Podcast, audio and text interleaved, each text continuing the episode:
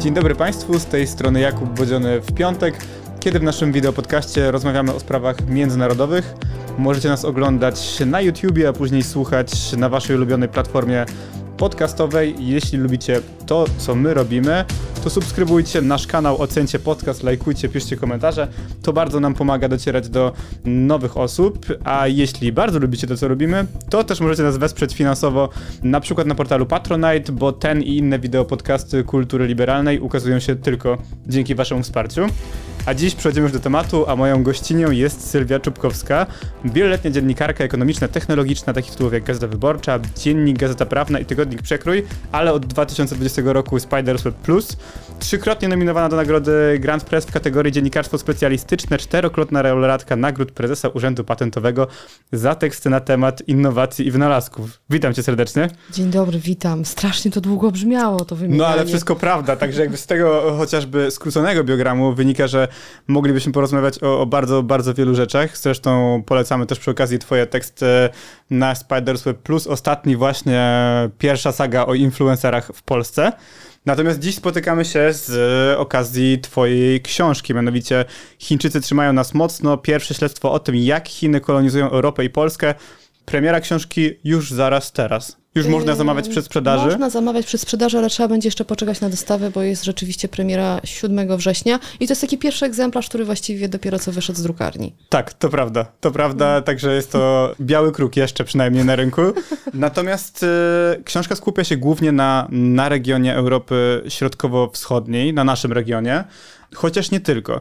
I nawiązując do tego tytułu książki, mianowicie, czy, że Chińczycy trzymają nas mocno, to na początku mogłoby się wydawać, czy w ogóle jest kogo i co trzymać, bo piszesz w takim wstępie o tym, że porównując na przykład obroty, wartość wymiany handlowej, nie tyle co z Polską, bo tutaj była ta dana o tym, że e, tej wartość wymiany handlowej pomiędzy Polską a Chinami w 2021 roku wyniosła 42 miliardy dolarów no i wydaje się, że, że może dużo, może mało, ale porównując to z e, Niemcami, Niemcami. tak, gdzie tam ta wartość była 235 miliardów dolarów, no to pierwsza taka myśl ze strony czytelnika mogłaby być, w sumie. O co chodzi? Po, po co, co, tu kolonizować i, tak? i, i, czym się tu zajmować? E, no właśnie, tak naprawdę całe to podejście do tej książki, do tej próby, próby spojrzenia na wpływy chińskie, na wpływy Chin w, w naszym regionie, wynika z tego, że my bardzo często operujemy wyimkami informacji, które próbujemy sobie z czymś porównać i wyciągać wnioski. Między innymi taki jest chociażby z tymi, z tymi danymi dotyczącymi obrotów handlowych. No tak, no jakieś są. Dużo mniejsze niż Polski z Niemcami, dużo mniejsze niż Polski ze Stanami Zjednoczonymi. Czy są ważne, czy są nieważne? I próbujemy sobie na takie pytanie odpowiadać właśnie patrząc bardzo mikro. I to nic nam nie mówi. To nam nic nie mówi. Dlatego właśnie książka nie jest o Polsce, Dlatego książka jest o całym regionie Europy Środkowej, Europy Centralnej, jakbyśmy tego nie nazwali. Ja tam wręcz przywołuję we wstępie dlatego e, Kunderę, Milana Kunderę, bo wybierając obszar, którym chciałam się zajmować i który moim zdaniem jest tutaj dosyć ciekawy, to, to to nie jest obszar stricte polityczny ani stricte geograficzny, bo jednak są ogromne różnice między Estonią a Czarną Górą, tak? czy między Polską a Rumunią, etc. Bardziej jest to ta wspólnota doświadczeń, wspólnota historyczna, wspólnota pewnych e, traum, i y, nas ukształtowało w ostatnim wieku, no Jałta ukształtowała ten obszar, tak? I porządek jałtański. Więc y, dlatego właśnie nie skupiam się na samej Polsce, tylko patrzę na region, żebyśmy mogli wyłapać pewne trendy, pewne zjawiska, pewne problemy, ale potem schodzę znowu, schodzimy w tej książce, bo to są reportaże, do poziomów mikro, tak? czyli do ludzi, do konkretnych miejsc, do konkretnych inwestycji, żebyśmy te wielkie globalne tendencje mogli sobie jak w takiej soczeweczce na miejscu zobaczyć w pewnych miejscach, tak? jakie są ich efekty. No to w ogóle jest e, siła tej książki według mnie. Tu zaznaczę od razu, że książka się świetnie czyta. To jest właśnie zbiór takich reportaży, ale zarówno pozwalających nam dostrzec opisany program w tej makroskali, a później schodząc na zupełnie takie historie pojedynczych ludzi, czy pojedynczych inwestycji, chociażby mm. słynna budowanie słynnej drogi przed Euro 2012 w Polsce przez e, chińską firmę. Kowek, ale tak. to był skandal, prawda? Tak, Jeszcze tak, niektórzy tak, z nas tak. pamiętają, jaki to był skandal. To był naprawdę ogromny skandal. Się szykowaliśmy na euro. To trzeba sobie się tak trochę uświadomić. Ledwo weszliśmy do Unii Europejskiej, jest pierwszy rozpęd, pierwsze duże fundusze. My się szykujemy na euro polsko-ukraińskie. Ma całkowicie nam zmienić Polskę to euro, tak? Stadiony, dworce, kolej, drogi. Jeden z największych przetargów, który, no, dróg, które miały połączyć między innymi Warszawę z Łodzią, tam z Gdańskiem, jest na dosłownie rok przed euro porzucony porzucony przez chińską firmę, która miała go wykonać. To był skandal, który dzisiaj, nawet dzisiaj mi się wydaje, że w dzisiejszych warunkach, gdzie mamy tak naprawdę co tydzień jakiś skandal, też by wstrząsał. I dlatego też przypominam tą historię, ona jest dosyć stara de facto, jest ponad, to już ponad dekada minęła, bo my tu znowu mamy pewien ciąg wydarzeń i też ciąg mm, efektów. No bo efektem Koweku nie tylko było to, że tam y, ileś lat się Polska sądziła z, z, chińskim, z chińskim wykonawcą o, o zwroty kosztów, o, o kary, etc., ale również to, że chińskie firmy w pewien sposób zaczęły się uczyć robienia biznesów i inwestycji w Europie. Na polskim podwórku, nie? No, Mhm. takim tutaj byliśmy, nie wiem jak to nazwać ładnie, taką piaskownicą trochę do wypróbowania, co można, czego nie można, gdzie już jest przegięcie. I efektem jest tego, że obserwujemy dzisiaj już inne podejście tych wielkich, wielkich budowni, bo te chińskie firmy, które zajmują się inwestycjami takimi infrastrukturalnymi, to są dzisiaj naprawdę jedni z największych albo wśród, no, wśród największych graczy na świecie, tak? Zaczęły wypierać europejskie, zaczęły wypierać amerykańskie i mają już inne podejście, bo wiedzą, że to, co na przykład mogą, nie wiem, proszę, że tak powiem, ale taka jest prawda, to, co mogą w Afryce, no tego nie mogą w Europie, nawet środkowej. No właśnie, to jest też wątek, e, do którego chciałem jeszcze wrócić, ale cofnijmy się troszkę, bo książka opisuje właśnie różnego rodzaju próby wpływów gospodarczych, kulturalnych, e, społecznych, które Chińczycy na całym świecie de facto, bo głównie ona opisuje ten region, ale też jest na przykład dużo przykładów i historii z Australii, która też z kolei jest taką piaskownicą właśnie, co można zaaplikować do świata zachodniego, no bo jest stosunkowo blisko Chin, ale... Bardzo duże wpływy, bardzo duża diaspora chińska. Tak, dokładnie. Natomiast y, co w takim razie wyróżnia ten, ten sposób, w jaki Chińczycy działają? No bo można byłoby sobie powiedzieć, no dobrze, ale przecież wszystkie państwa lobbują za swoimi interesami. Czy to wprost politycznie, czy to właśnie chociażby przez swoich czempionów narodowych, różnego rodzaju firmy. No dość wspomnieć e, sytuację z Mike'iem Pence'em i jego wizytą w Warszawie, który podziękował serdecznie na konferencji prasowej za to, że Polska jednak nie zdecydowała się wprowadzić podatku od e, gigantów technologicznych, o czym e, wydaje mi się, że nikt z administracji nie wiedział i dowiedział się z tej konferencji. Także też to było Tak, zostaliśmy zawiadomieni przez wiceprezydenta Stanów Zjednoczonych, że nie będzie opodatkowania firm technologicznych I amerykańskich bardzo, w Polsce. bardzo, bardzo są Amerykanie na to wdzięczni. Chodzi mi o to, co w takim razie wyróżnia to, co Chińczycy robią w Europie, od takiej zwykłej dyplomacji gospodarczej, po prostu dbania o interes swojego kraju za jego granicami. Jest wiele czynników wyróżniających. Jest wiele czynników wyróżniających. E, Jednym z nich na pewno jest e, to, że Chiny działają wielopłaszczyznowo, wielopoziomowo i trochę w taki sposób zaskakujący nas, bo moglibyśmy się spodziewać czego? Takiej bardzo takiej rygorystycznej, takiej bardzo drastycznej tej dyplomacji, takich działań trochę, ale rosyjskich, nie? No tak z buta wejść. Chiny robią to bardzo rzadko. Ostatnio częściej, bo też są w trochę innej pozycji, znaczy są w coraz silniejszej też pozycji międzynarodowej, ale nie bez powodu mówi się wręcz o dyplomacji pand. No takie milutkie, nie? Miłe, misie, przyjazne i, i do tego stopnia dyplomacji pand, że przez lata też Chiny grały tymi pandami, dosłownie tymi zwierzętami. Grają dalej, bo wcześniej było tak na początku, prawda, co ty też opisujesz, że te pandy się darowało. na- na Wybranym przykład- zoo, tak, którymi z danych tak, tak. państw, których na właśnie... przykład za- w, do Korei Północnej. Natomiast jakby Ale nie tylko, przecież to wielkie, wielka historia tak naprawdę, w dużej części ta dyplomacja została dzięki temu nagłośniona od e, przekazania dwóch pand Reaganowi, tak? Czyli takiego nawiązania stosunków w ogóle podczas tej słynnej wizyty właśnie, Dokładnie. kiedy Nixon był w, był w Pekinie. E, Nixonowi, przepraszam, Tak. Reaganowi i Nixonowi, tfu, tfu, tfu, prezydentowi. To było nawiązanie stosunków amerykańsko-chińskich de facto po latach, dekadach y, prawdziwego takiego zi- zimnej wojny tam. Więc tymi pandami grano od dawna. Dzisiaj trochę to inaczej wygląda, bo bo też nie ma rozdawania pand, one są wypożyczane i trzeba jeszcze za nie zapłacić. Co samo w sobie dużo mówi tak Pa- naprawdę, panda, nie? panda jest dzierżawiona i to, i to, to nie są tak. małe pieniądze, to jest Nie, nie, około jest milion dolarów rocznie. Za każdą jedną sztukę, a bierze się parami, bo, bo tak, no bo chłopiec, dziewczynka, tak? Ale mówię, no, samo nawet to spojrzenie, tak, że jak wygląda ta dyplomacja? Coś dostajecie, ale nie dostajecie. Musicie za to płacić, jeszcze za to ponosić odpowiedzialność, jakby się coś stało, ale to jest nasz prezent od nas dla Was w ramach ocieplenia stosunków. Więc Chiny lubią w ten sposób traktować dyplomację, albo nawet dyplomację, no swoje wpływy tak budować. Miło, miło, miło, z przekonywaniem, że będzie win-win, To jest to słynne przekonywanie chińskie, że obie, obie strony wygrają na tym, ale kto tak naprawdę wygrywa, e, to jest bardzo skomplikowane, żeby to rozgryźć, bo się okazuje, że, mm, że my nie znamy zasad gry chińskich po prostu i oni grają według sobie znanego regulaminu. Jakie są w takim razie te zasady? Jakbyś miała trzy takie kluczowe Trzy kluczowe. Hmm, no jedną z na pewno z takich bardzo kluczowych, która się też regularnie powtarza w takich analizach sinologów, czy też ostrzeżeniach analityków związanych z Chinami, to to, że Chiny nie mają takiego moralnego kompasu, można powiedzieć, e, który jest znany społeczeństwom Zachodu, że oszustwo to jest coś złego, nagannego. Jeżeli oszuka się przeciwnika, czy też nawet partnera biznesowego, kogoś obcego, w chińskim wydaniu jest uznane się za bycie sprytnym. No u nas jest raczej, no nie ma się czym chwalić za bardzo, tak? No to, to, to nawet jak wyszło, to jednak nie, nie jest to coś godnego do... Trochę tak, że cel uświęca środki? Troszkę tak, ale pamiętajmy, że cel, jeżeli po drugiej stronie jest rzeczywiście obcy, tak?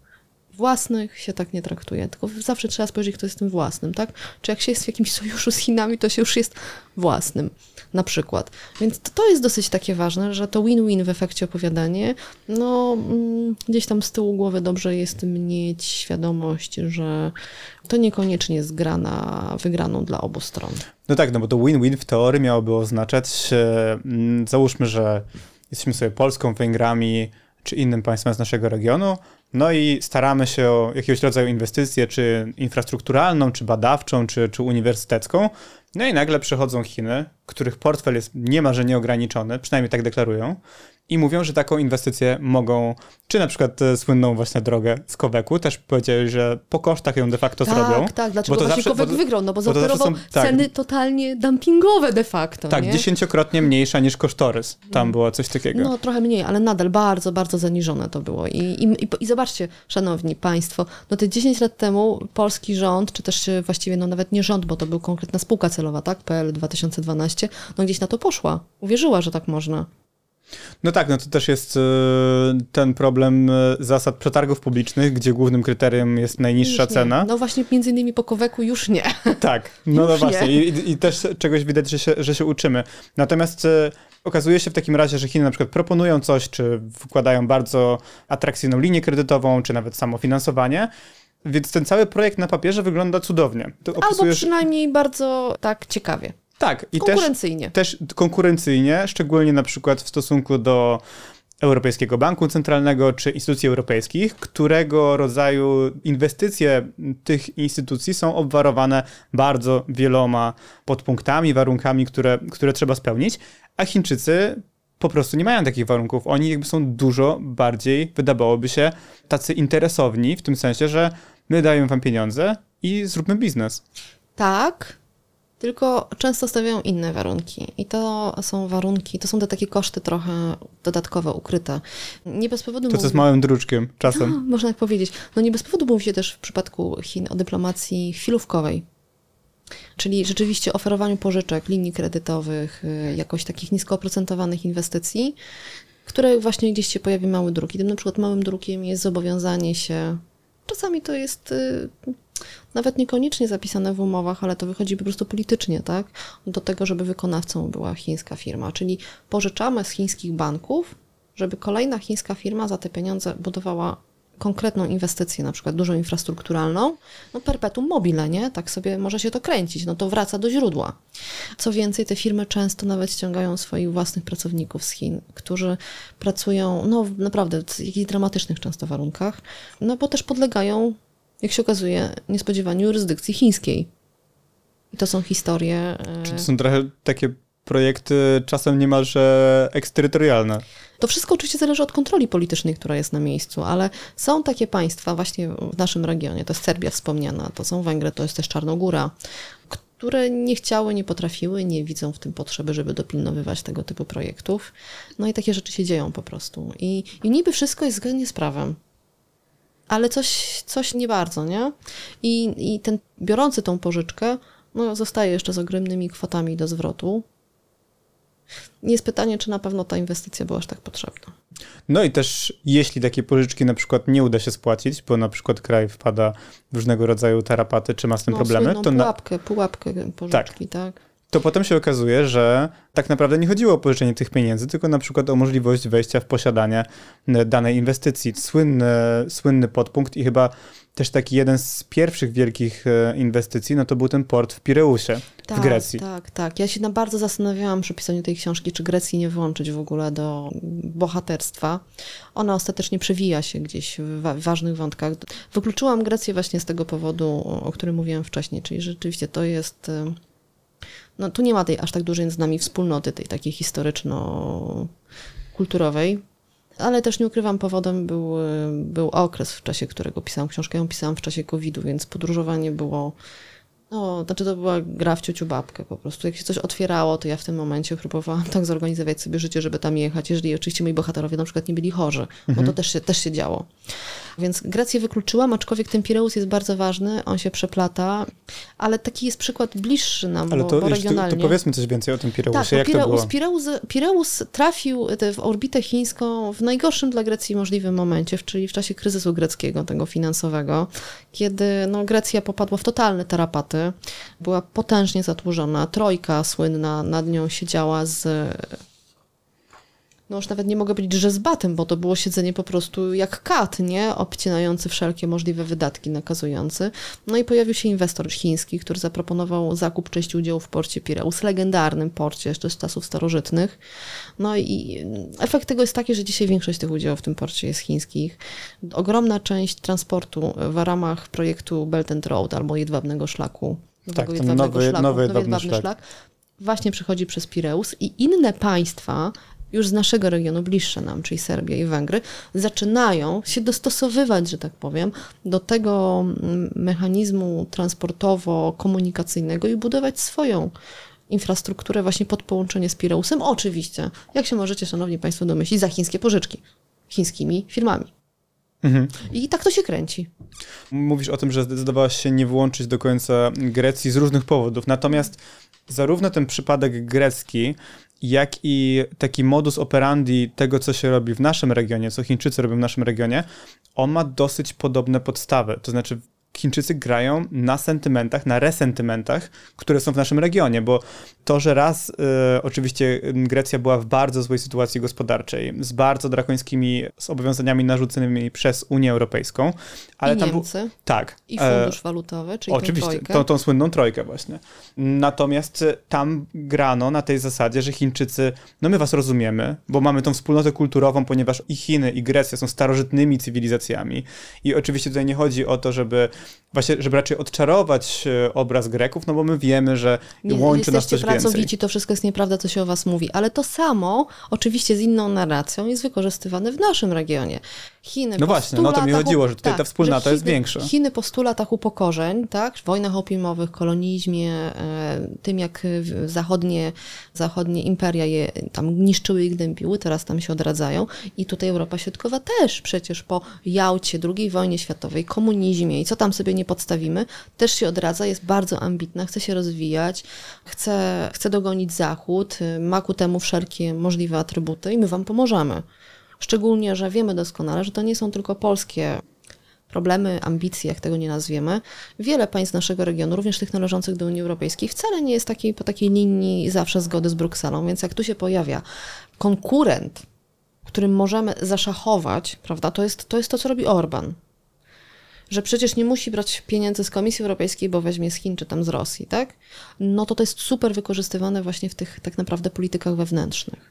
Oczywiście, nie w każdym państwie jest identycznie. To też jest niezwykłą, moim zdaniem, ciekawe, jeżeli chodzi o nasz region, że my tu mamy naprawdę puzzle, mamy układankę, która jeszcze w tych ostatnich dwóch latach zaczęła się bardzo zmieniać. Znaczy to był taki nawet nie puzzle, to jest taki e, kostka Rubika, nie? Już masz ułożone tam cztery czy pięć z tych tam dziewięciu, dziewięciu, e, dobrze mówię dziewięciu? Tak. Ile jest? Sześciościa, nie, sześciu. No i się okazuje, że z matematyki tak. noga. tak, tak, tak.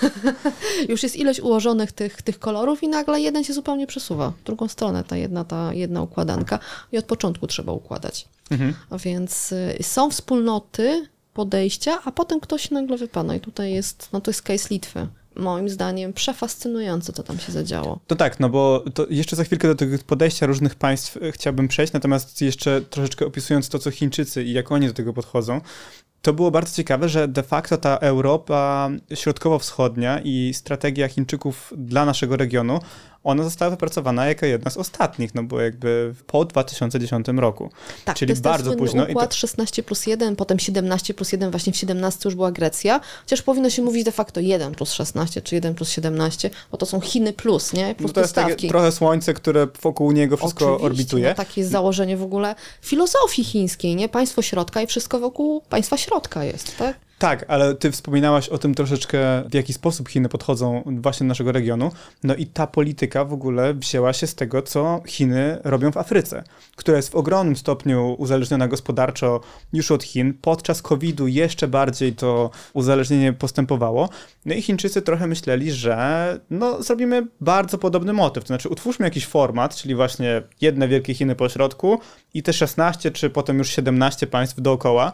Spotkajmy się z nimi raz do roku, załatwmy cały biznes i Wszyscy że będą szczęśliwi. wszyscy będą szczęśliwi, bo przecież jakby no, nie, nie dużo się różnią. Są Węgry, Litwa, Estonia, no jakieś takie jakieś państwa. Bałty, jakieś Bałkany, tak? Tak, zwłaszcza to są jakby państwa w rodzaju no, średniego miasta w Chinach, tak? Jeśli Albo mówimy na przykład dzielnicy. o, o Estonii czy, Tak, czy o Litwie. e, nawet więcej. Początkowo, i to wychodziło w przemówieniach, między innymi chyba Xi Jinpinga, czyli przewodniczącego Chin, traktowano nasz region jako państwa rozwijające się trzeciego świata. I to, to szło w przemówieniach. Tutaj było- Globalne południe. No, Tak. globalne południe na północy. E, ale to było takie podejście, że ale jak to wam to nie pasuje? Z takim zaskoczeniem, nie? E, No przecież jesteście rozwijający się. No tak, jesteśmy rozwijający się, ale z jakiego punktu wychodzimy jeszcze tego rozwoju? Co do Afryki. Tak, rzeczywiście, próba przeniesienia tego modelu afrykańskiego, ale również częściowo występującego w Azji Południowo-Wschodniej, próbowanego również w Ameryce Południowej, czyli em, takiego przekonania właśnie, że mamy do czynienia z gospodarkami bardzo ambitnymi, z ogromnymi problemami, e, mniej lub bardziej e, niewysłuchiwanymi przez te największe gospodarki zachodnie, no głównie, mówiąc, no, Europę, Niemcy, Niemcy i Stany Zjednoczone. I my tu wejdziemy z konkurencyjną ofertą dosyć łatwo, no to się mocno przebijało. Dzisiaj już się trochę mniej przebija i w dyplomacji, i w inwestycjach chińskich, bo jest zrozumienie, może nie jakieś ogromne, bo to nie jest za dobre zrozumienie i to potwierdzają właściwie wszyscy eksperci Chin, Europy Środkowej czy w ogóle Chin, Europy, ale to się już trochę zmieniło. E, Co jest ciekawe z tą Afryką, bo ja się tu przyznam, że ta książka, pomysł na tą książkę się wziął od Afryki. Ja byłam tuż przed wybuchem pandemii, naprawdę tak w ostatnim możliwym momencie, bo wracaliśmy na początku marca e, w, w Nigerii na materiale właśnie, na reportażu o tym, jak Chiny budują China Africa, czyli e, swoje takie powiązania chińsko chino no wchodzą, do, wchodzą do Afryki w dużym skrócie. I, I pod wpływem tego, co w Nigerii widziałam, rozmów, e, pewnych analiz też, tak, tego jak, jak tam wygląda ta sytuacja i zderzania z tym, co mogłam obserwować w Polsce głównie, no bo na, najlepiej znałam w, tym, w tamtym momencie polski rynek, rzeczywiście widziałam wiele podobnych motywów. Oczywiście, no jest, no, no jesteśmy inni, tak? No nie ma co się oszukiwać. Polska demokracja, jakich by nie miała ogromnych problemów, jest znacznie na znacznie bardziej stabilnym poziomie niż demokracje większości państw afrykańskich. No tak, i też to zaplecze instytucjonalne jest zupełnie inne. Dokładnie, no, praworządność. My możemy jesteśmy- to jesteśmy- krytykować. Tak? wiadomo, ale, jak, jaka jest kwestia praworządności w Polsce, jak to wygląda, nadal- natomiast i tak jesteśmy w Unii Europejskiej. Tak? tak, ale nadal procedury mamy inne. Mamy inne uznanie państwa prawa. Nawet te procedury przetargowe się przecież pozmieniały, etc., etc.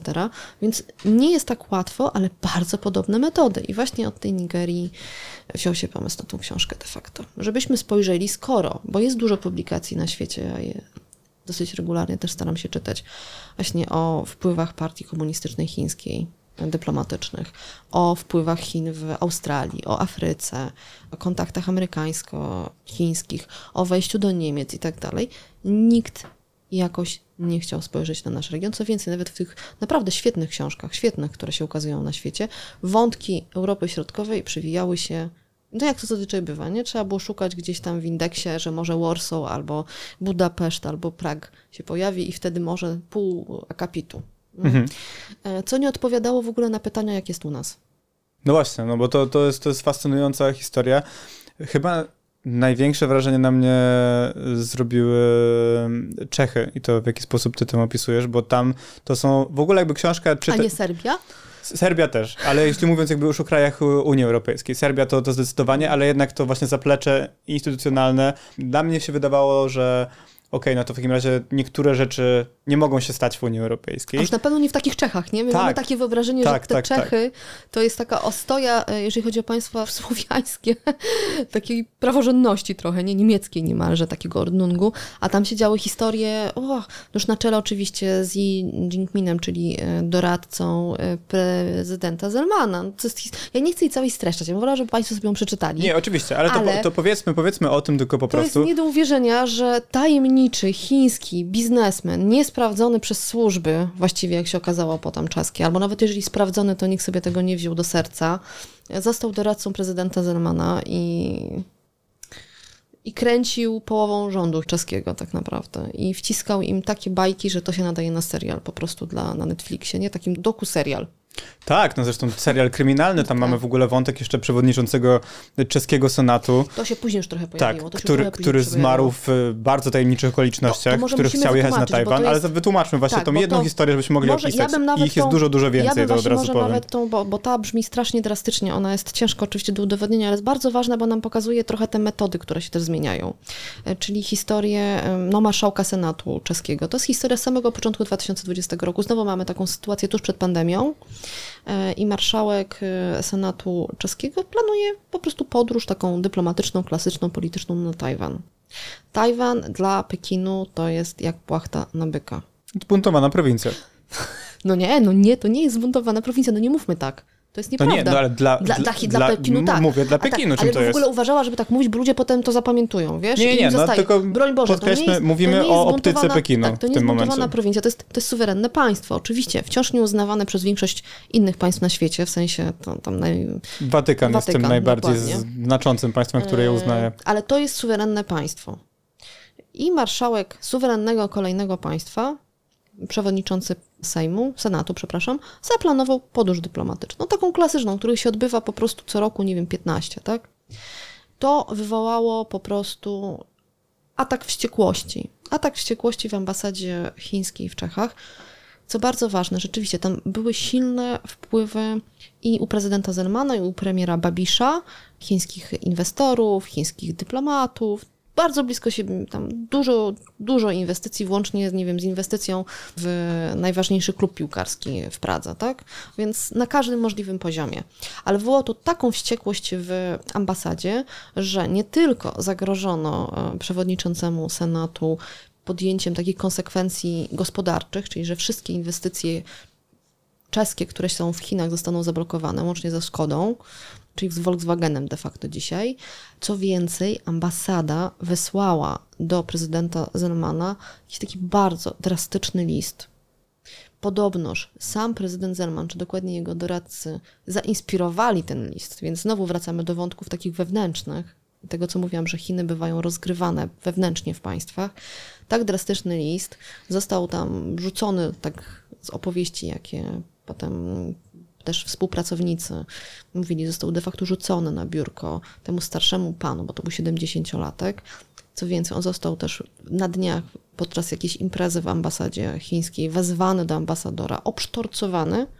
Dwa dni później zmarł na atak serca. Więc ta historia jest taka, no też nie do uwierzenia. No nie do uwierzenia, prawda? I potem wybuchła pandemia, więc oczywiście żadnej podróży nie było, nawet w przypadku, gdyby, gdyby, gdyby nie było tej śmierci, ale do niej doszło, bo kolejny przewodniczący Senatu stwierdził, że nie będzie. Nie będzie tutaj po prostu mm, no, suwerennemu, demokratycznemu państwu mówienia, gdzie wolno, a gdzie nie wolno jechać, tak? I oczywiście, żeby było jasne, te wszystkie inwestycje, które miały być zablokowane, nie zostały zablokowane, bo Chiny to dosyć często używają takich argumentów, że trochę bardziej straszą niż, no, nie wiem, cytując naszego prezydenta, nie strasz, nie strasz.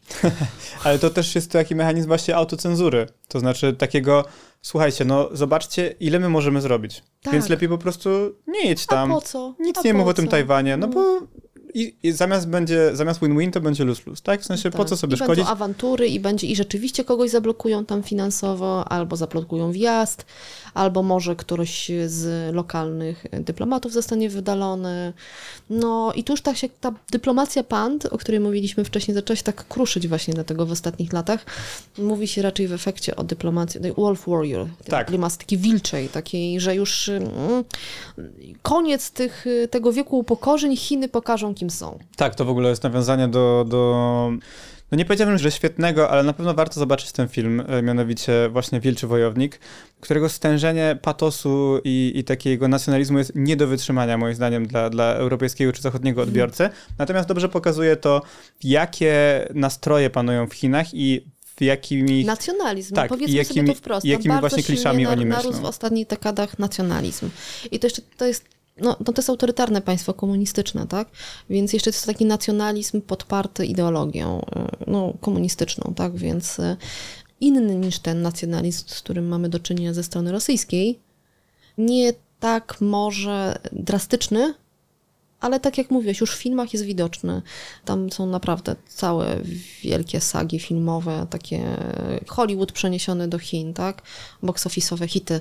W filmach jest już widoczny w, w tym, jak się wypowiadają za granicą również dyplomaci chińscy, No wystarczy zob- zobaczyć, e, to też jest wspomniana historia w książce, a propos różnego rodzaju dyskusji pomiędzy chińskim ambasadorem, a ówczesną amerykańską ambasador Mosbacher. Georgette Mosbacher. No tam tak. dochodziło do regularnych pyskówek po Naparzanek, prostu na Twitterze. na No. Twitterze, tak. Wszyscy tak. wiemy, jak wygląda polski polityczny Twitter, no ale to naprawdę nie odbiegało wiele od tych naszych I to byli ambasadorzy, dyskusji. dyplomaci, nie? To było najbardziej takie wstrząsające i robili to na Twitterze. I to było zaskakujące, ile to było? W 2019-2018 roku. No jakoś tak.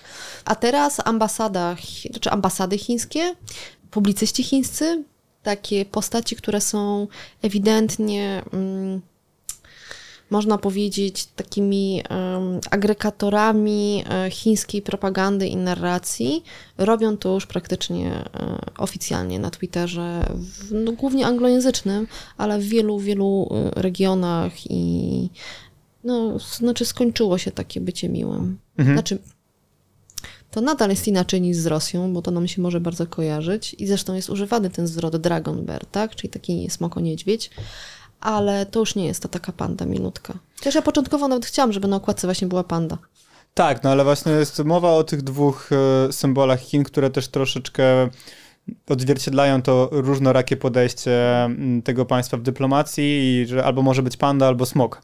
W zależności od tego, jakby do którego, albo teraz ten wilczy wojownik. e, No tak, no ale smoki ale to to smoki, samo, wilczy to- wojownik tak, to, to jest powiedzmy to samo. Natomiast chciałem jeszcze wrócić do tej kwestii e, związanej z Czechami, bo tam po, tej, po tym przyjeździe nowego już właśnie przewodniczącego Mhm. Senatu na Tajwan, w jakiś sposób to się wydaje, że był taki punkt zwrotny W Czechach. w Czechach, ale też szerzej. To znaczy doszło do tego, bo mówiło się o tym, że nasz region do pewnego czasu był traktowany przez państwa Europy Zachodniej jako taki Koń chiński koń trojański w Europie. I to było nawet takie podejście, y, jeden chyba z twoich rozmówców to mówił, że mamy różnego rodzaju strategie, mamy wobec Niemiec, mamy wobec Francji, wobec tych tradycyjnych, silnych państw starej Europy, no ale niektórych rzeczy nie da się tak załatwić. Więc my zrobimy przez ten format 16 plus 1 to, czego nie udało nam się załatwić z Francją i Niemcami, no to przez takie państwa jak właśnie Grecja, jak Węgry. I to było do pewnego momentu skuteczne, bo różnego rodzaju rezolucje, na przykład dotyczące praw człowieka, kwestii Xinjiangu, kwestii protestów w Hongkongu, były blokowane właśnie przez Grecję czy Węgry. Tak, tak, tak, dokładnie tak. I, I ten wizerunek konia trojańskiego utrzymywał się przez długi czas, a taka jest prawda, że dzisiaj, i chyba już jest taka dosyć powszechna świadomość, przynajmniej w kręgach eksperckich, takich ym, nawet niekoniecznie związanych z Chinami, ale po prostu eksperckich, gdzieś powiązanych. Bardzo się starałam w tej książce uciekać od takiej geopolityki i taki, tych, tych, takich wszystkich, wiesz, tam mgły wojny, nie? I fog, po angielsku fog of war. Ale w tych środowiskach już jest taka większa świadomość, mówię europejskich, że jeżeli ktoś jest koniem trojańskim chińskim, to są to Niemcy. Taka jest prawda. To powiązanie biznesu niemieckiego, również polityków, ale biznesu szczególnie, z Chinami jest tak silne, jest tak silne, że e, nawet jeżeli w tych kwestiach, nie wiem, praw człowieka, to tam nie będą oni specjalnie mocno działać, ale mogą być wykorzystani w zupełnie innych kwestiach. I tutaj przykładem jest Litwa. Litwa Ono, Litwa, używając słownictwa geostrategicznego, to faktycznie dokonała pivotu. Najsilniejszego. Czechy dokonały dużej zmiany, ale Litwa przeszła w ogóle no, no pivot, to chyba niemal przygosłowa, tak? Taką kompletną zmianę w ciągu ostatnich dwóch lat i Litwa de facto, mówi się dzisiaj, dołączyła do sojusza pięciorga oczu, czyli tego legendarnego sojuszu Stanów Zjednoczonych, Wielkiej Brytanii, Nowej Zelandii, Kanady i Australii z czasów zimnej wojny, który powstał w latach 50. i który był zawsze takim, dotrzymały się razem, również pod kątem wywiadu, współpracy służb specjalnych, etc. Teraz ten sojusz w pewien sposób powrócił właśnie e, do kontry w stosunku do Chin i Litwa dołączyła jako szósta para oczu. Mhm. Tak drastycznie, że jest wyłomem na tej całej naszej mapie. Do tego wyłomu dołączają kolejne państwa, co jest fascynujące, bo, e, a to może za chwilę, ale e, w Litwie, na Litwie co zrobiono? Po pierwsze, zaczęto od takich, można powiedzieć, rzeczy, które były trochę gestami. Czyli to, to poczekaj, zatrzymaj się tylko na chwilę. Mhm. Dlaczego to się stało? To znaczy, Dlaczego? Jaka była, no bo takiej wolty o 180 stopni, no może nie 180 stopni, no ale zdecydowanej wolty w polityce zagranicznej nie dokonuje się raczej bez, bez powodu. powodu. Tam dokonano rachunku, rachunku strategicznego. Nowy litewski rząd przeliczył sobie, w jakiej sytuacji jest Litwa, w jakim miejscu jest Litwa, co jest bezpiecznikiem funkcjonowania, funkcjonowania suwerenności państwa litewskiego, gdzie są zagrożenia i gdzie są, no taki słot. I wyszło mi w tym słocie, że gwarantem bezpieczeństwa są Stany Zjednoczone. Największym zagrożeniem jest Rosja. Że to nie jest zaskakujące, prawda? Ale to jest na przykład ten słot, którego polski rząd jakoś tak nie bardzo potrafi zrobić. No i, i, Litwa go zrobiła, zrobiła to wyliczenie. Wyszło im, że Stany Zjednoczone są gwarantem bezpieczeństwa. Największym zagrożeniem jest Rosja. Sytuacja jest coraz bardziej napięta. Służby zawiadamiały o tym, że to się dzieje, jeżeli chodzi o potencjalną wojnę od wielu, wielu, wielu, wielu, wielu miesięcy, nastu, jak nie kilkudziesięciu. Więc nowy rząd litewski, wiedząc na czym zależy Stanom Zjednoczonym, a dla Stanów Zjednoczonych Chiny są znowuż największym zagrożeniem, postawiły jednoznacznie sytuację. Chcemy być sojusznikiem Stanów Zjednoczonych, wykluczamy Chiny. Koniec, Bo na tym kropka. zależy Stanom Zjednoczonym. Bo na tym zależy Stanom Zjednoczonym, a nam zależy na bezpieczeństwie przed Rosją, więc no coś za coś, tak? I, i, I, Litwa zaczęła od, można powiedzieć, drobnych gestów, ale bardzo znaczących. To była analiza tego, co się dzieje na telefonach produkcji chińskiej czy przypadkiem nie ma wprowadzonych tam jakichś niebezpiecznych backdoorów, albo jak się okazało backdoorów. Czym jest nie. backdoor w takim backdoor razie? to są takie, to jest taka możliwość wykorzystania danych, y, rzeczy, które się dzieją na urządzeniach, nie tylko na telefonach, przez producenta albo przez jakąś trzeciego partnera z zewnątrz, bez wiedzy użytkownika. Czyli, że tam na przykład jest coś hardware'owego czy software'owego, nie wiem, w moim telefonie, załóżmy Używasz coś... na pewno, nie wiem, używasz przy nim iPhone'a, używasz iOS-a, e, korzystasz z Apple tam Store'u, tak, i tak dalej, to czy NSA może korzystać wchodząc do sklepu i do, i do całego tego software'u no, NSA, no niekoniecznie, ale przyjmijmy na przykład, tak? Jakaś tam, służba amerykańska. No, ktokolwiek, można powiedzieć, czy może wejść do twojego telefonu i go kontrolować. No i wiemy, że raczej jest to akurat w przypadku iPhone'ów utrudnione, bo były takie sprawy, kiedy właśnie próbowano się dostać. nie, nie, ma na to dowodów. Nie ma na to dowodów, co nie znaczy, że backdoorów gdzieś tam nie ma, bo one są w jakiś sposób zawsze, ale to nie o to chodzi. W kontroli, e, którą wykonał litewski wywiad, sprawdzano również, czy nie ma zaszytego w chińskich telefonach, produkcji chińskiej, możliwości cenzurowania treści. I wyszło im w takich dwóch kontrolach, że takie cenzorskie mechanizmy są w telefonach Xiaomi. I co zrobił litewski MON? No, chciałoby się użyć brzydkiego takiego określenia no, w tańcu. Wyszedł i powiedział, że odradza używanie telefonów Xiaomi nie tylko swoim urzędnikom, to jest w ogóle oczywiste, ale wszystkim obywatelom.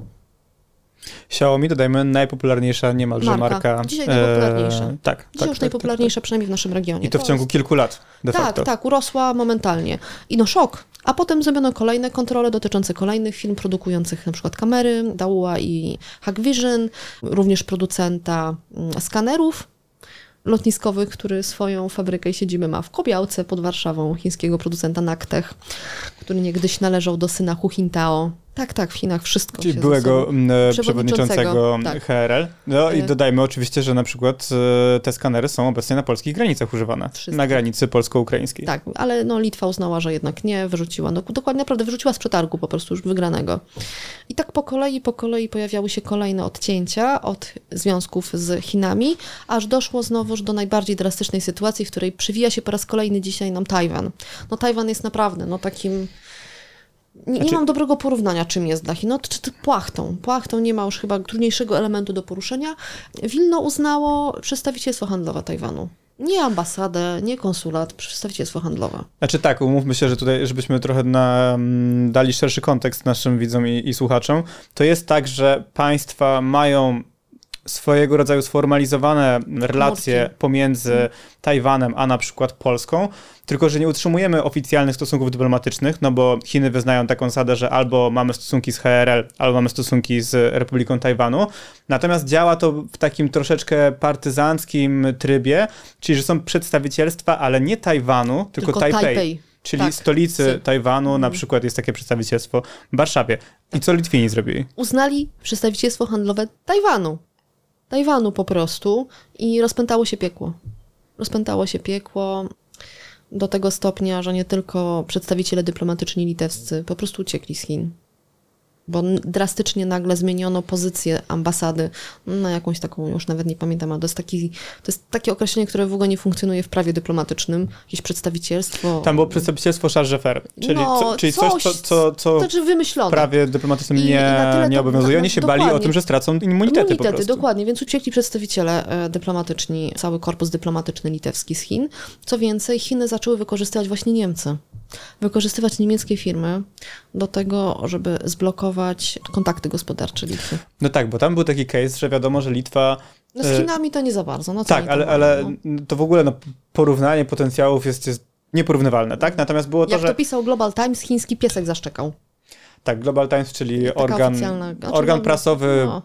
To ważna gazeta, tak, Ważna tak. gazeta, warto czytać to, co partia myśli, a nie do końca może powiedzieć Tak. tam. No, że piesek, piesek się naszczekał, tak po prostu. Tak, tak pisano. No, to, to, to też język, którego zaczęto używać, nie? Że tutaj jest państwo wielkości jednej dzielnicy Szanghaju, e, śmie się tutaj wyrastać, bufon Europy.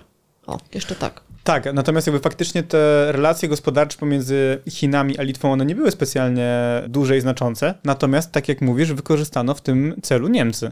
No i dlatego mówię, jeżeli ktoś jest tutaj rzeczywiście, urasta do rangi konia trojańskiego, to dzisiaj bardziej Niemcy, chociaż oczywiście no, to, co się dzieje na Węgrzech, czy to, co się dzieje w Serbii, no to jest bardzo głębokie uzależnianie się od Chin. To jest bardzo głębokie, na każdym poziomie, nie tylko gospodarczym, ale również na takim poziomie politycznym, bo to używanie e, Chin jako takiego, e, takiej alternatywy w stosunku do Unii Europejskiej albo alternatywy w stosunku do Stanów Zjednoczonych, że jak nie, z, to tutaj możemy z Chinami, zaczęło przerastać i Wucicę i Orbana.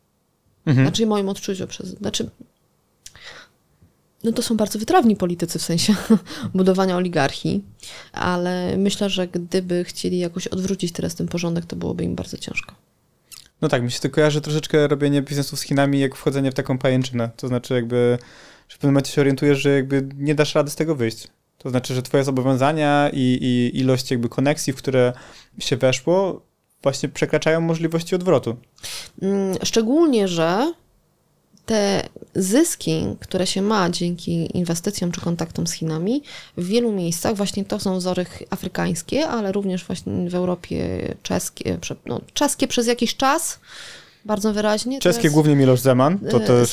Tak, tak, tak. No i też, no tak, i lokalni też politycy, ale na Węgrzech i w, w Serbii to jest bardzo wyraźne, są inwestowane w otoczenie polityczne, czyli w taką budowę no, oligarchii de facto. No, przecież największy przyjaciel Orbana, Meszaros, najbogatszy człowiek na Węgrzech, najbogatszy, Orbanowi? Dokładnie, jak to mówił, wszystko zawdzięcza Bogu Orbanowi i szczęściu.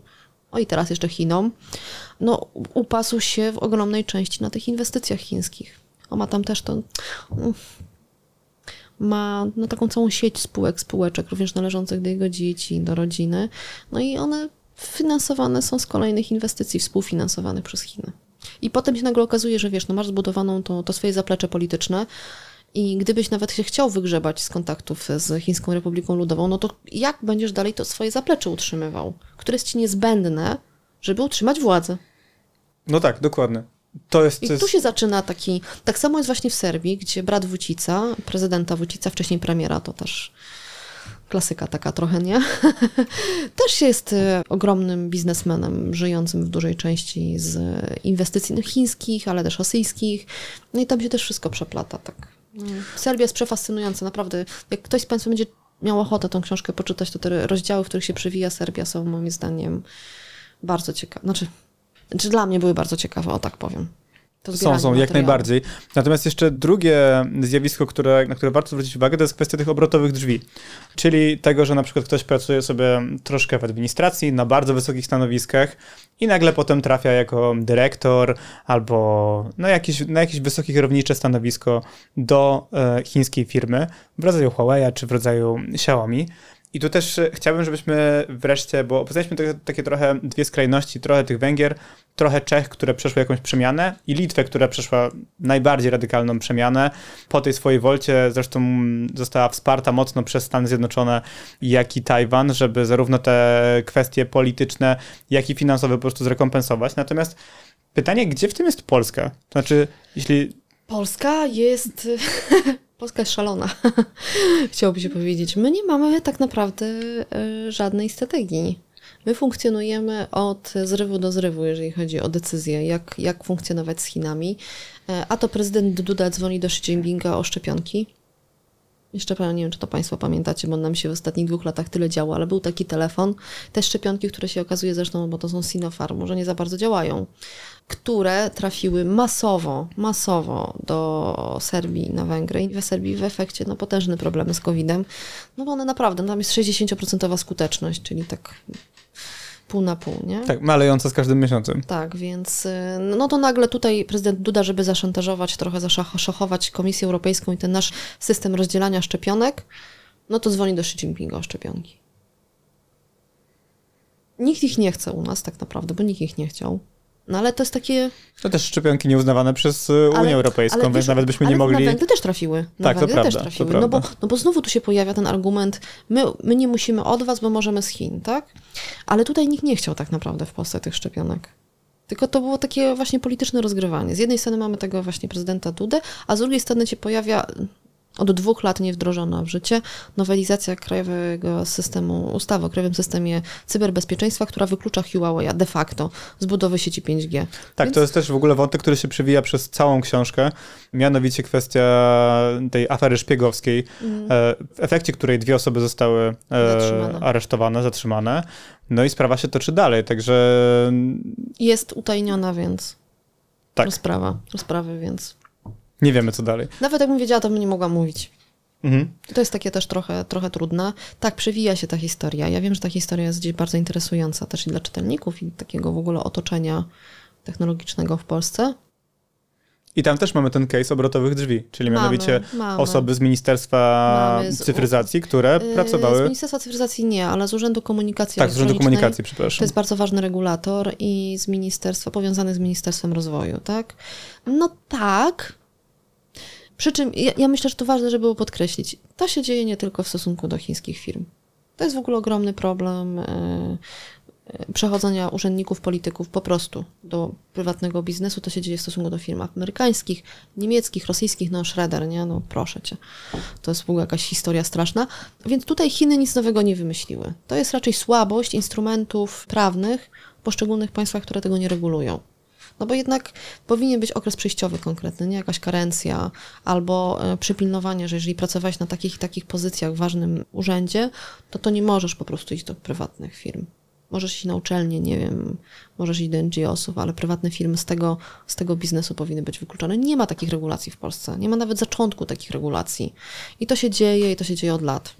A w przypadku Huawei tak, no tak, tak. Aczkolwiek y, jak porównuję też Polskę tutaj pod kątem y, tego revolving door, drzwi obrotowych z innymi państwami regionu, wcale nie najwięcej. Wcale nie najwięcej. No to Czechy tam rzeczywiście tutaj były. Oj, Czechy, Czechy, tak. Czechy wygrywały pod tym kątem. Mm, Ale tak, historia Huawei jest przefascynująca i politycznie, i, i pod tym kątem takim mm, szpiegowskim, czyli tych, tych wątków wywiadu, i technologicznie, i konsumencko. Tak, znaczy no to też e, jednoznacznie ty rozmawiasz z jednym z e, ekspertów od cyberbezpieczeństwa tam. Z wieloma. E, z wieloma, oczywiście. Tak, natomiast jakby ten wątek e, się pojawia w zakresie tego, czy korzystać też z tego typu sprzętów? No bo sobie myślę, no dobrze, no ale jak ja kupuję telefon właśnie załóżmy firmy amerykańskiej czy firmy koreańskiej, no to przecież jakby też są możliwego rodzaju, różnego rodzaju tam te backdoory, o których wspominaliśmy, czy innego, inne możliwości ingerencji w tego typu sprzęt. Natomiast to, co wydaje mi się umyka nam jeszcze wciąż, chociaż w tym właśnie środowiskach związanych z cyberbezpieczeństwem jest to oczywiste, to jest to, że te firmy no są po prostu przężone w system chiński i w rząd chiński. To nie jest tak, że one działają na warunkach rynkowych, to znaczy może na przykład działają na warunkach rynkowych w Polsce, natomiast ich historia pokazuje, że to są firmy po prostu wytworzone dzięki wsparciu partii. Znaczy, pod tym kątem to rzeczywiście na przykład jak spojrzysz na koreańskie czebole jest bardzo podobnie. Bez wsparcia państwa, bez wsparcia też tam hunty wojskowej, etc. nie byłoby Samsunga w takim kształcie, jakim jest dzisiaj, czy tam y, y, LG i kilku innych firm. Bardziej kluczowe jest to, że rzeczywiście w chińskim systemie autorytarnym, no tej dyktatury, która tam funkcjonuje, nie ma możliwości, żeby prywatna firma nie raportowała, nie była powiązana z partią, nie była powiązana z konkretnymi takimi opcjami w partii, bo to też nie jest monolit. Komunistyczna partia Chin to nie jest monolit, znaczy no jest monolit, ale w sensie tam jest dużo frakcji, ścierających się urzędników, wysoko postawionych sekretarzy i tak dalej. No i gdzieś są te po prostu... Strefy wpływów, nie? Porozdzielane. Jak bardzo to mm, partia mm, mówi i trzeba zrobić, było widać po historii też Jacka Ma, tak? czyli prezesa Alibaby, AliExpressu, który kiedy... Takiego symbolu w ogóle chińskiego takiego biznesmena. Jobsa, tak, takiego tak, chińskiego tak, tak, Jobsa, naprawdę bohatera narodowego takiego pod kątem biznesowym i nie tylko.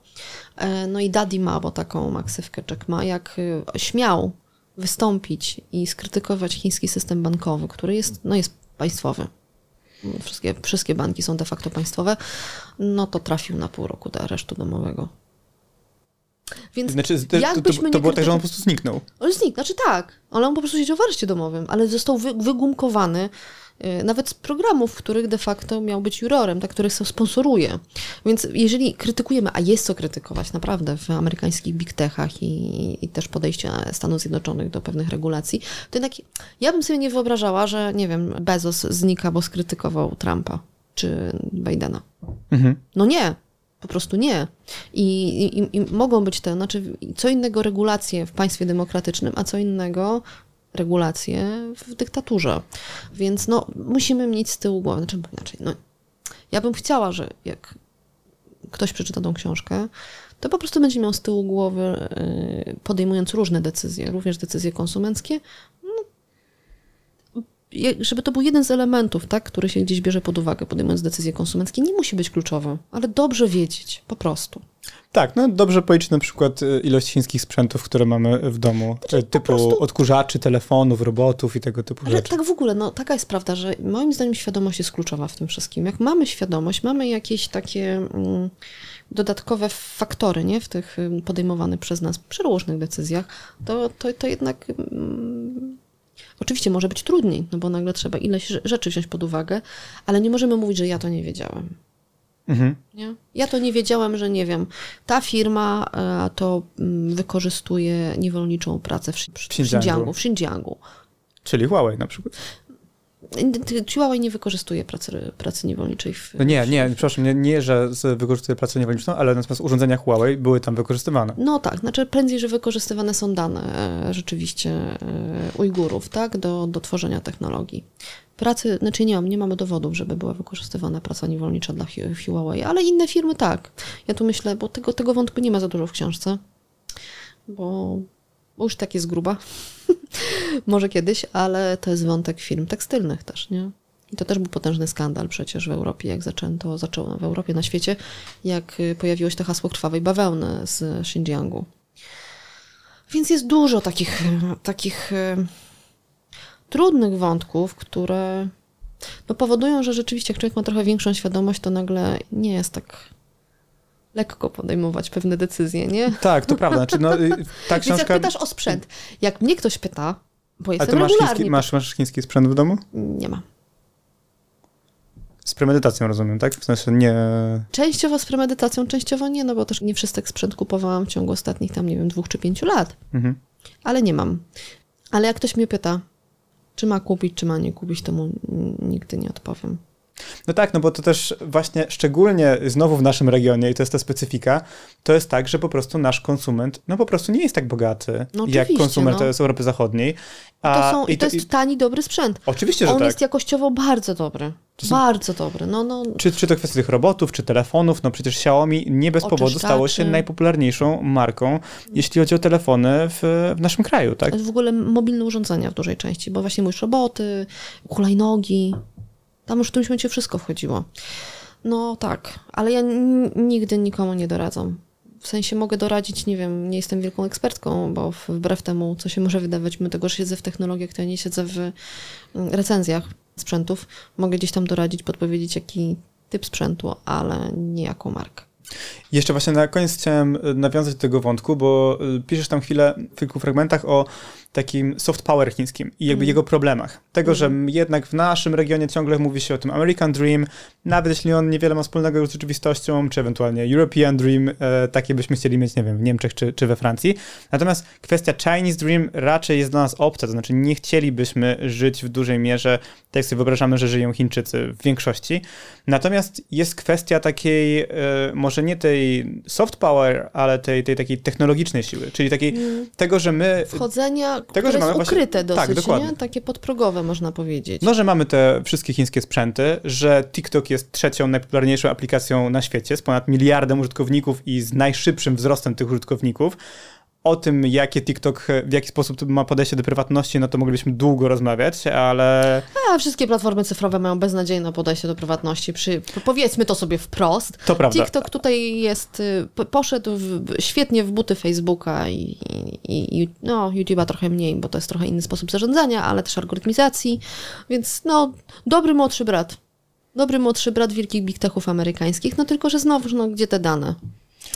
No, no tak, te no, dane? No, no, dokładnie. Być może ale będą niedługo y, rzeczywiście w Unii Europejskiej, bo zbudowany data center y, TikToka w Irlandii, pod wpływem oczywiście tej krytyki też. Miało być uruchomione w tym roku, ale już jest przesunięte na następny, przyszłym, tak? Tak, ma być przyszłym. Pewnie będzie.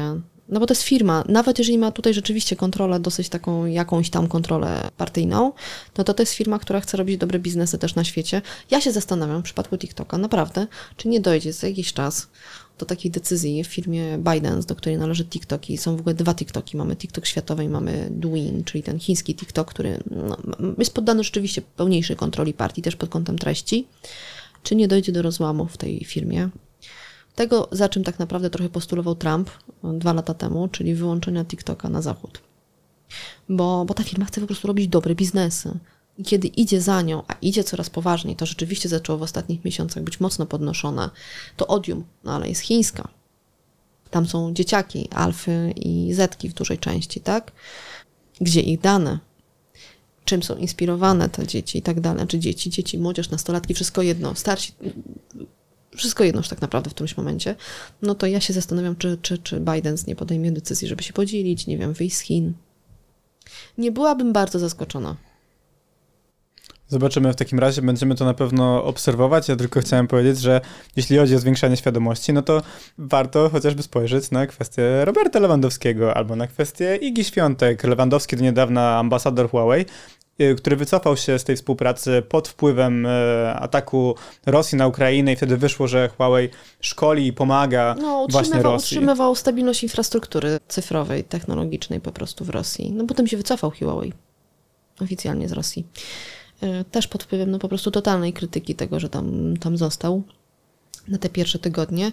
Ja z tego co wiem, to u Lewandowskiego to myślenie, żeby zrezygnować z bycia twarzą Huawei, to już trwało długo. Znaczy u niego, w jego zespole, tak? Że to był dobry pretekst, żeby to zrobić. Tak, bo to nie on, nie on pierwszy był, bo rzeczywiście pierwsze takie odejścia twarzy, dużych twarzy Huawei, Huawei w Europie, no to nastąpił pod wpływem tego skandalu z, e, z Ujgurami i z prowincją Xinjiang. Czyli to tam odszedł francuski piłkarz, Przepraszam, ja jestem beznadziejna z piłki nożnej, więc nie pamiętam, jak się nazywa. Nie pomogę. No właśnie, ale zrezygnowała oraz czeska piosenkarka, więc było takich właśnie kilka rezygnacji. No funkcjonujemy w takim świecie, że co, to, co jest powtarzane ostatnio, nie? że jednak kapitał ma narodowość i kapitał ma też etyczność różną.